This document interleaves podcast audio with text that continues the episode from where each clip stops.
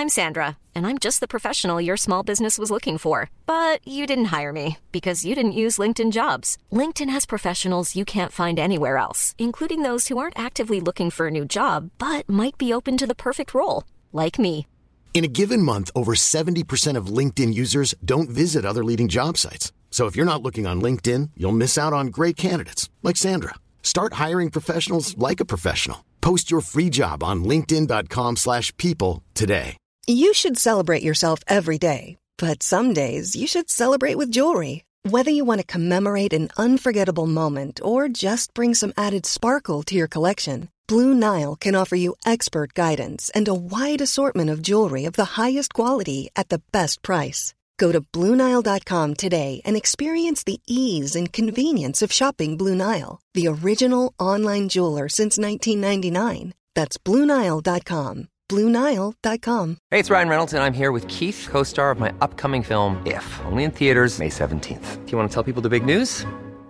All right, I'll do it. Sign up now and you'll get unlimited for $15 a month in six months of Paramount Plus Essential Plan on us. Mintmobile.com slash switch. Upfront payment of $45 equivalent to $15 per month. Unlimited over 40 gigabytes per month. Face lower speeds. Videos at 480p. Active Mint customers by 531.24 get six months of Paramount Plus Essential Plan. Auto renews after six months. Offer ends May 31st, 2024. Separate Paramount Plus registration required. Terms and conditions apply if rated PG.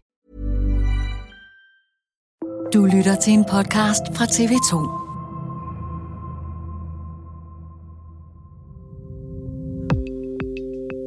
Det har vagt store følelser. Jamen, jeg bliver ked af det, men jeg er også vred, fordi der bliver gjort noget, der bliver gjort nok. Sagerne om vold og overgreb på skoler rundt omkring i hele Danmark. Historierne begyndte at rulle, efter det kom frem, at børn på Borup Skole i Køge Kommune gennem flere år havde udsat andre børn for vold, trusler og seksuelle overgreb. Ifølge TV2's oplysninger drejer den grænseoverskridende adfærd sig altså om alt fra trusler på livet, trusler med kniv, slag med jernrør og deciderede seksuelle overgreb. Men hvorfor begår børn overgreb på andre børn? Og hvad kan vi som samfund gøre for, at det ikke sker? Det handler dato om i dag. Mit navn er Andrea Dragsdal.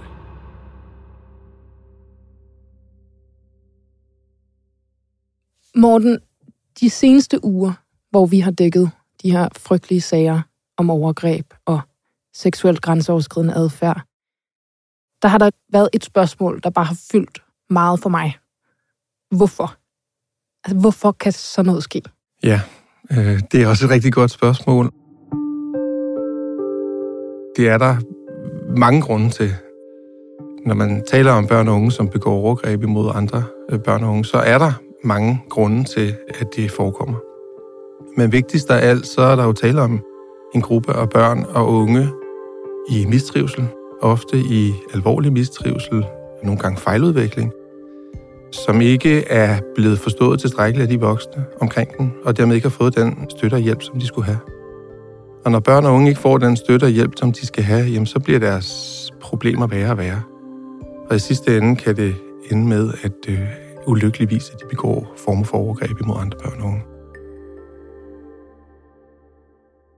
Morten Jammer, du er psykolog. Du er leder af det, der hedder Børnehus Hovedstaden. Børnehusene er sådan nogle steder, hvor man hjælper både børn, der begår og bliver udsat for seksuelle overgreb. Kalder man det egentlig det? Siger man begår overgreb, når vi taler om børn? Altså, man taler i højere grad om børn, der har en seksuel grænseoverskridende adfærd. Hvorfor det? Jamen, man kan sige, at udgangspunktet for at kunne hjælpe nogen er, at vi tager så meget stigma tag af som muligt. Og hvis vi taler om krænkere og overgreb og andet, jamen så får vi på en eller anden måde talt børnene hen i noget, som ikke er retvisende for, hvordan det er, de er. De børn, der har brug for hjælp. De børn med adfærdsforstyrrelser og andre vanskeligheder, som vi skal forstå og hjælpe. Og hvis vi begynder at identificere dem som noget, som er misvisende i forhold til det, de er, så bliver det svært at hjælpe dem. Stigmata. Hvad betyder det? Jamen, altså sådan øh, et, ja, vi får brugt nogle kategorier om den, som er begrænsende eller som er øh, negativt lavet. Som fagperson, som et menneske, der har beskæftiget dig indgående med sager, hvor børn både begår og bliver udsat for overgreb, har der så været et spørgsmål, der har fyldt for dig de sidste par uger? Jamen, det vigtigste spørgsmål, det er jo, hvorfor at man er kommet i gang så sent med at give alle de implicerede børn den hjælp, som de har haft brug for. Sagerne om blandt andet vold på Borup skole i Køge Kommune har stået på i tre et halvt år, og ikke i bare to år, som det ellers til har været fortalt. Det kan vi nu her på TV2 berette om.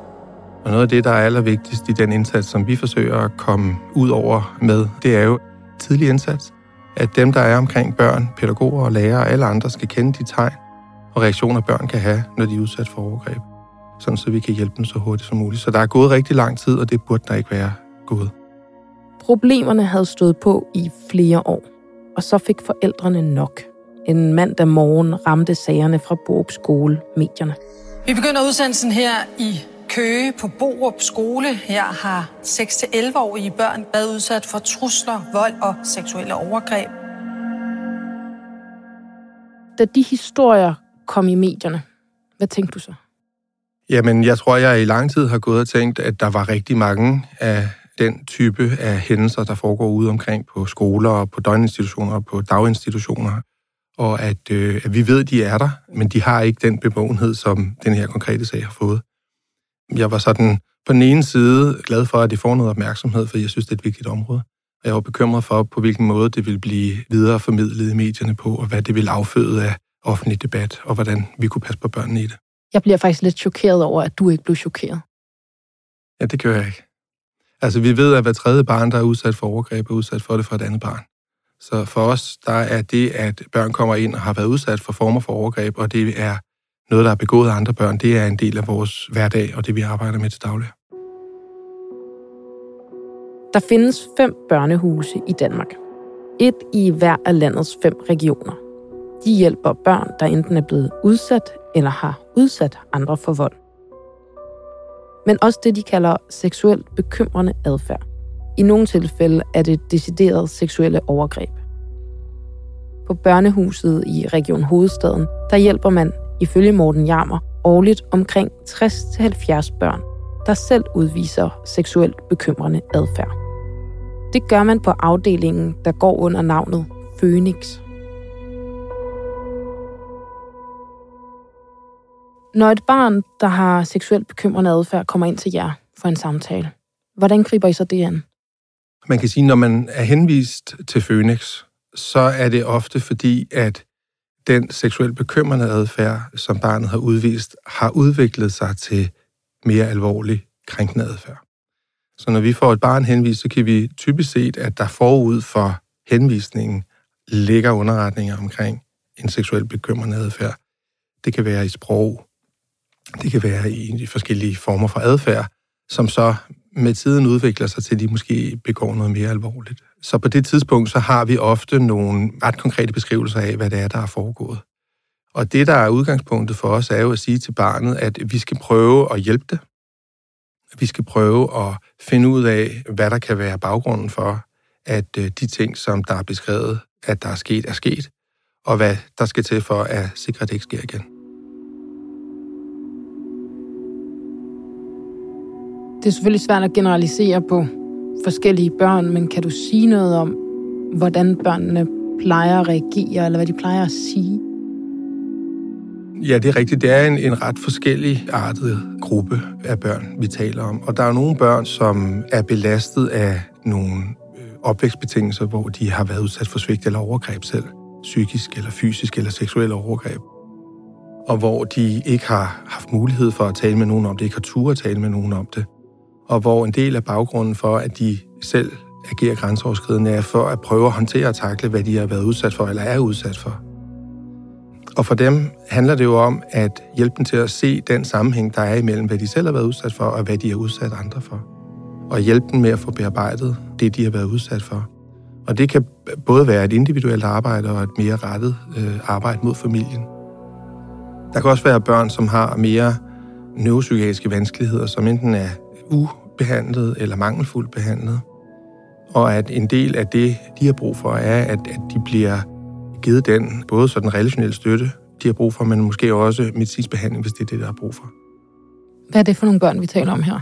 Jamen, hvis man lever i et omsorgsmiljø, hvor ens grænser konsekvent bliver overtrædet, så er det svært at gå ud og møde jævne eller andre mennesker og, og vide med sikkerhed, hvor er deres grænser, eller hvor er mine egne grænser. Det kan også være børn, som ligger mere inden for noget autismespektrumforstyrrelse, som ikke på den måde er i stand til at kunne aflæse eller leve sig ind i andre, og dermed kan komme til at være grænseoverskridende over for andre. Og, og det er ikke for at sige, at børn med autismespektrumforstyrrelse begår overgreb, men hvis ikke de bliver hjulpet til strækkelig grad, hvis de lever i et relationelt miljø, hvor de ikke får den støtte, de har brug for, jamen så kan summen af alle de her faktorer være det, der udløser, at de kommer til at agere grænseoverskridende over for andre. Så børnene ved ikke nødvendigvis, at det, de har gjort, er forkert. Der kan være børn, som er dårligt begavet, og der kan være børn, som ikke forstår til fulde, hvad det er, der er foregået. Der kan være børn, der er blevet presset ind i at gøre noget, som de måske ikke øh, i udgangspunkt selv havde kunne finde på at gøre. Så, så altså jeg vil sige, der er mange børn, som når de er i vores rum, og begynder at kunne tale om og forstå og mærke, hvad det er, de har været en del af, sagtens skal mærke, at, at det her ikke har føltes rart, at det her ikke har føltes rigtigt, men de har været usikre på, hvad der var rigtigt og forkert, hvad der føltes behageligt eller ikke behageligt. Altså det hele er blevet rodet for dem. Så på den måde, så er det noget med at hjælpe dem til at få en mere sikker fornemmelse af, hvad er egentlig noget, du har lyst til, og hvad er egentlig noget, du ikke har lyst til. Hvad føles rigtigt, og hvad føles forkert, og hvad må man, og hvad må man ikke. Helt, alt det der bliver tit rodet for dem. I de sager, der så har været frem i medierne, specifikt med Borup Skole, er det også blevet et tema, at andre forældre, både forældre til de børn, det er gået ud over, men også andre forældre, er blevet enormt vrede på de børn, der har udvist den grænseoverskridende adfærd. Det er de selvfølgelig ud af bekymring for de børn, det går ud over, men, men kan man sige, at de børn, der udviser den adfærd, de burde have vidst bedre? At de forstår det at blive straffet af nogle voksne, at få skæld ud, at få den nej, reaktion? Nej, altså man kan sige, at, at, øh, at, at, at der er ingen af de her børn, som øh, som vi beskæftiger os med, som, som har en intention om at begå overgreb eller krænke andre børn. Det er nogle af de ting, som de har vanskeligt ved, som de ikke er blevet hjulpet med i tilstrækkelig grad, som er baggrund for, at de er kommet til det. Så det er børn i mistrivsel, det er børn i fejludvikling, og, og som ikke er blevet forstået og hjulpet af voksne omkring dem. Og hvis man så begynder at bebrejde dem, at de ikke er blevet hjulpet, og dermed er deres vanskeligheder blevet forværret, så har man gjort den i forvejen svær situation endnu sværere. Når du forklarer, hvad der kan ligge bag et barns bekymrende seksuelle adfærd, så lyder det også på dig, som om du ikke nødvendigvis koder det sammen med noget seksuelt, faktisk. Ja. Du nikker. Ja. Hvorfor det? Hvorfor har det ikke noget med seksualitet at gøre, eller seksuelle lyster at gøre? Jamen, det behøver det ikke nødvendigvis at have. Altså, man kan sige, hvis man generelt har vanskeligheder ved at fornemme egne og andres grænser, så vil det typisk være noget, der viser sig i alle mulige sammenhænge og kontekster. Så vil man have svært ved at lege med jævnaldrende, fordi man hele tiden kommer til at overskride andres grænser. Eller man har svært ved at indgå i en klassemæssig sammenhæng, fordi man kan ikke passe ind i den ramme og grænsesætning, som lærerne sætter. Og når man så har en nysgerrighed omkring ens egen seksualitet, jamen så vil den også kunne komme til at rumme noget grænseoverskridende. Så det er sådan den helt brede palette af, at man kan have de vanskeligheder, som udspiller sig ikke kun specifikt omkring det seksuelle. Så man er nødt til at se det i den sammenhæng, hvor det udspiller sig, i stedet for at overfokusere på det ene område. Når den der skillen er interessant, øh, for mig i hvert fald, så er det også fordi, jeg tror, de fleste af os godt ved, at børn ned til en ret lille alder udforsker seksualitet på forskellige måder. Og det i sig selv bliver ikke nødvendigvis kaldt bekymrende adfærd. Så hvornår er det, at det skifter? Hvornår er det, at man siger, nu er det noget andet? Jamen, man kan sige, at børns udvikling er jo præget af, at de færdes i en eller anden sammenhæng, hvor de trygt kan gøre sig erfaringer og udforske nysgerrigt. Så børn, det er jo ikke noget problem for børn, at de kan slås, hvis det er en leg. Det er heller ikke nogen problem for børn, at de kan udforske deres seksualitet, hvis det er en leg. Og på den måde er der jo en masse ting, som angår voksenverdenen, som børn godt kan lege med, hvis det har kvaliteten af leg. Men når det ikke har kvaliteten af leg, når det er givet på vegne af trusler eller magt eller vold, og der er ingen af de implicerede parter, der synes, det er sjovt, jamen så bliver det bekymrende.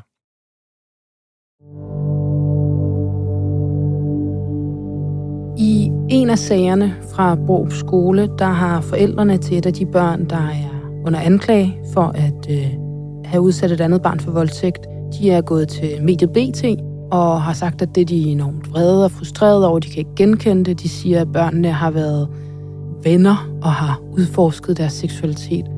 Og jeg vil ikke spørge dig til den konkrete sag, fordi der selvfølgelig er hensyn til børnene, og vi skal heller ikke sidde og tale om sager, vi måske kun kender fra medierne. Men når jeg spørger dig til det her med at kunne forstå, hvornår noget går fra at være at udforske sin seksualitet med jævnaldrende til at være et overgreb, så er det blandt andet på den baggrund, at der måske sidder nogle forældre, men også nogle børn i de her sager, som ikke kan genkende, at de skulle have begået overgreb. Mm. Det må I også høre om. Ja, og det med, kan man sige, at man ikke kan genkende det, jamen det kan jo være en, en alvorlig risikofaktor for at havne i fremtidige situationer, hvor man går former for grænseoverskridende handlinger for andre. Fordi hvis ikke man er i stand til at kunne aflæse, at den, man har været sammen med og leget med, eller været nysgerrig omkring noget, har sagt fra, eller har signaleret, at det var noget, man ikke havde lyst til, så har man faktisk et brug for noget særligt støtte. Så der kan sagtens forekomme, at der kan være børn, som siger, men, men det var jeg ikke klar over. Og hvis ikke man var klar over det, og man alligevel havde kommet til at gøre noget, som var grænseoverskridende, så har man øh, alvorlig brug for hjælp. Det bringer mig til en kritik, som vi på TV2 er blevet mødt af, nemlig at vi på TV2 i vores dækning af sagen fra Køge har brugt ordet voldtægt. Fordi børns vilkår blandt andet siger, at man kan ikke tale om voldtægt, når det er børn. Hvad tænker du om det? Jamen, jeg er meget enig i, at det vi skal, når vi skal hjælpe børn øh, og familierne omkring øh, børnene, det er, at vi skal forstå, hvordan at børn kan have en adfærd, som kan være uhensigtsmæssig. Men at voldtægt er på en eller anden måde øh, med et forsæt om at begå øh, former for penetration eller andet. Øh, og det er ikke den måde, vi forstår og opfatter, at børn øh, kan havne i situationer, hvor de ikke fornemmer andres grænser. Så det bliver en måde at i talsætte noget på, som vi øh, i langt højere grad bruger omkring voksne, som begår overgreb mod andre voksne eller børn. Vil du ikke sige lidt mere om det, altså om hvordan du oplever, at det kan være kontraproduktivt, eller nu bruger jeg nogle lidt andre ord, men skadeligt for det arbejde, I skal udføre, hvis I over for det barn omtaler det som voldtægt? Jamen, det der kan ske for et barn, som øh, har nogle af de vanskeligheder, vi har talt om, øh, og som har oplevet sig ikke hjulpet, og nu er havnet i en situation, hvor det har gjort noget meget alvorligt. Jamen, der kan det blive mødt af en omverden, hvor det bliver bebrejdet og bliver straffet og bliver skammet ud på mange forskellige måder. Og det med at kunne fortælle om øh, og udtrykke sig omkring, hvad det er, der er svært, det er enormt svært. Det måske har barnet aldrig øh, prøvet det før. Og det betyder, at vi kan havne i en situation, hvor at barnet kæmper imod at blive, jeg vil ikke øh, ses som en, en voldtægtsforbryder, eller jeg vil ikke, hvor det er nogle af de ting, som vi sådan på en eller anden måde skal bruge rigtig lang tid på at øh, afmontere for at skabe en tilstrækkelig tryghed for, at barnet tør åbne sig omkring. Hvordan har det øh, oplevet, hvad der er foregået, og hvad er baggrunden egentlig for, at det har gjort, som det har gjort. Hvornår lykkes I så med at hjælpe de børn godt videre? Jamen, jeg synes, at vi i forhold til alle de sager, hvor vi inden lykkes med at gøre en forskel, vi gør meget ud af at vurdere risikoen for, at der kan være risiko for, at der begås nye overgreb, og peger på øh, specifikke tiltag, som skal til for at minimere risikoen. Det kan være, der er brug for et individuelt behandlingsbehov til barnet eller nogen. Og At det kan være, der er brug for en indsats, som retter sig mod familien som helhed. Det kan være, at lærer, pædagoger eller professionel personale omkring barnet skal vejledes til, hvordan de skal tilgå barnet og understøtte en positiv udvikling, så de kommer i trivsel og udvikling. Så vi retter os ret bredt i forhold til at gøre en forskel, som øh, kan hjælpe børnene til ikke at komme i de situationer igen, og i øvrigt styrke deres trivsel. Det er egentlig ikke, fordi jeg betvivler, at I gør en vigtig forskel for mange børn. Men jeg bliver altid lidt skeptisk, når nogen siger, vi hjælper alle. Vi gør altid det rigtige. Vi fejler aldrig. ja. Er det virkelig rigtigt?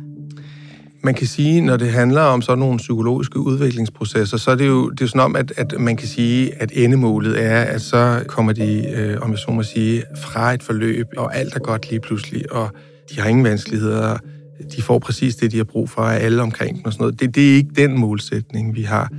Men vi prøver at stille nogle realistiske mål, som kan være med til at gøre den øh, forskel, nogle gange en lille forskel, som kan være en tredje sten til, at der kan sættes en proces i gang, som kan... Og nogle gange er det jo en langvarig proces. Men jeg tænker, at vi faktisk med det grundige undersøgelsesarbejde, vi laver, altid peger på, hvad der er brug for, for at hjælpe det her barn videre. Der er ikke nogen sager, hvor vi ikke kommer ud med anbefalinger. Om det så er anbefalinger, der altid bliver fuldt, det er rigtigt, det er ikke altid tilfældet. Noget af det, der politisk bliver diskuteret hæftigt lige nu, det er spørgsmålet om, hvorvidt man skal ændre lovgivningen på skoleområdet, så man kan smide børnene ud. Fordi øh, mange især forældre, men også politikere, har været farvet over, at de børn, der har udsat andre for overgreb, stadig går på skolerne. Og det er sådan en juridisk ting med, at man ikke bare kan smide et barn ud. Og det øh, diskuterer man altså politisk, om man skal gøre. Har I som fagpersoner vurderinger eller holdninger til, om det er det rigtige at skabe juridiske rammer for, at man som skole kan sige, det barn skal smides ud, fordi det har udvist adfærd, som den I behandler i børnehusene? Altså, det der er vores tilgang, det er, at skolerne eller daginstitutionerne skal øh, skabe sikkerhed for, at øh, der ikke bliver begået overgreb øh, børnene imellem. Og det kan vi øh, gå ind og både på et mere akut plan og vejlede til, hvordan man kan sikre, og vi kan sætte nogle processer i gang, som på den lange bane kan forebygge, at det sker. Men til en start, der vil det være en, en ydre rammesætning, som kan sikre, at det ikke forekommer igen. Hvis man øh, smider et barn ud af en skole, så vil det jo komme ind på en ny skole. Og på den måde vil man ikke have løst det grundlæggende problem, der er at sikre, at de konkrete børn, som har haft en grænseoverskridende adfærd, får den hjælp, de skal have. Men det behøver jo ikke stå alene. Man kan jo godt sige, at skolerne skal have mulighed for at smide børn ud, og de bør hjælpe de børn, der bliver smidt ud. Ja, det jeg tænker, der er vigtigt, det er jo, at de børn, som er i den her situation, oplever, at der er nogen, der vil hjælpe dem. Og jeg kan ikke se, at det med, at de bliver smidt ud af skolen, kommer til at hjælpe med det, der er deres problem. Og hvis du så ser på de børn, I også får i børnehusene, dem der er ofre for andres overgreb, vil du så mene, det for dem kan være en hjælp, at de andre børn er blevet smidt ud af skolen? Nej. Altså det, der er vores tilgang, er jo, at offrene øh, for øh, seksuel grænseoverskridende adfærd skal have den hjælp, som de skal have. De kan være belastet i varierende grad, og det skal de selvfølgelig have hjælp til.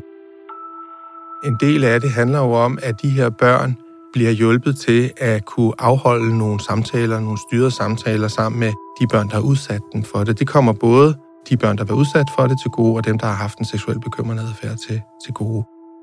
Så vi vil altid, øh, når vi har en sag, som foregår i en daginstitution eller på en skole, så vil vi altid snakke med lærerne omkring det, om hvordan de skal øh, gribe situationen at Vi vil øh, tage kontakt til de implicerede familier og børn og få dem involveret. Vi vil sørge for, at deres individuelle behandlingsbehov er varetaget, og så vil vi arbejde på at skabe nogle møder, hvor de kan øh, blive klogere på, hvad var det, du ikke så, og hvad var det, du skal gøre, sådan så de kan komme sammen videre. Men det, du beder om, er, at forældre til børn, der er blevet udsat for overgreb, forældre, der formentlig er dybt fortvivlet og rystet og har en masse andre følelser, lige skal udvise noget overskud. Men det er det, de skal have hjælp til, kan man sige. Altså, det er derfor, at vi gerne vil have offrene og offrenes familier, sådan så at vi kan få hjulpet dem med de reaktioner, de naturligvis har. Sådan så at de kan få øje på, hvad der er bedst og tjener deres barn bedst.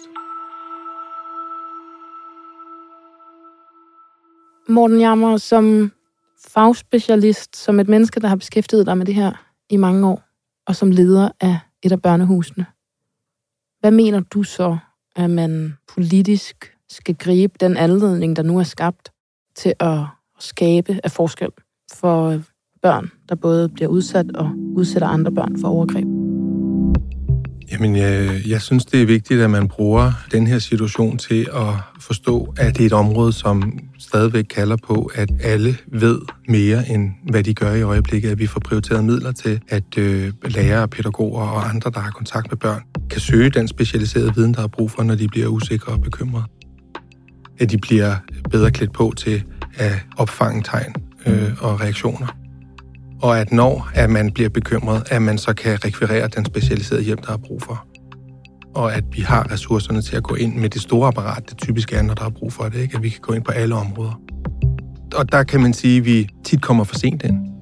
Vi kommer ind på tidspunkter, hvor at problemerne er gennemgribende øh, og alvorlige. Hvor vi, hvis vi på et tidligere tidspunkt kunne komme ind, kunne beskytte dem mod at udvikle sig så alvorligt og beskytte de ofre, som nu er skabt. Så jeg håber, at det her kommer til at betyde, at den opmærksomhed gør, at det bliver et indsatsområde, som bliver prioriteret i langt højere grad, end hvad tilfældet er nu. Morten Jammer, tak fordi du vil være gæst i Dato i dag. Velkommen.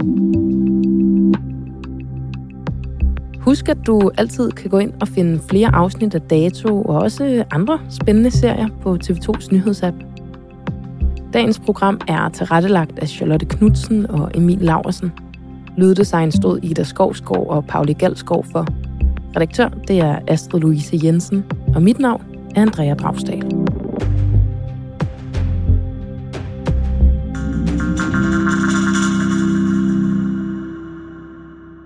Du har lyttet til en podcast fra TV2.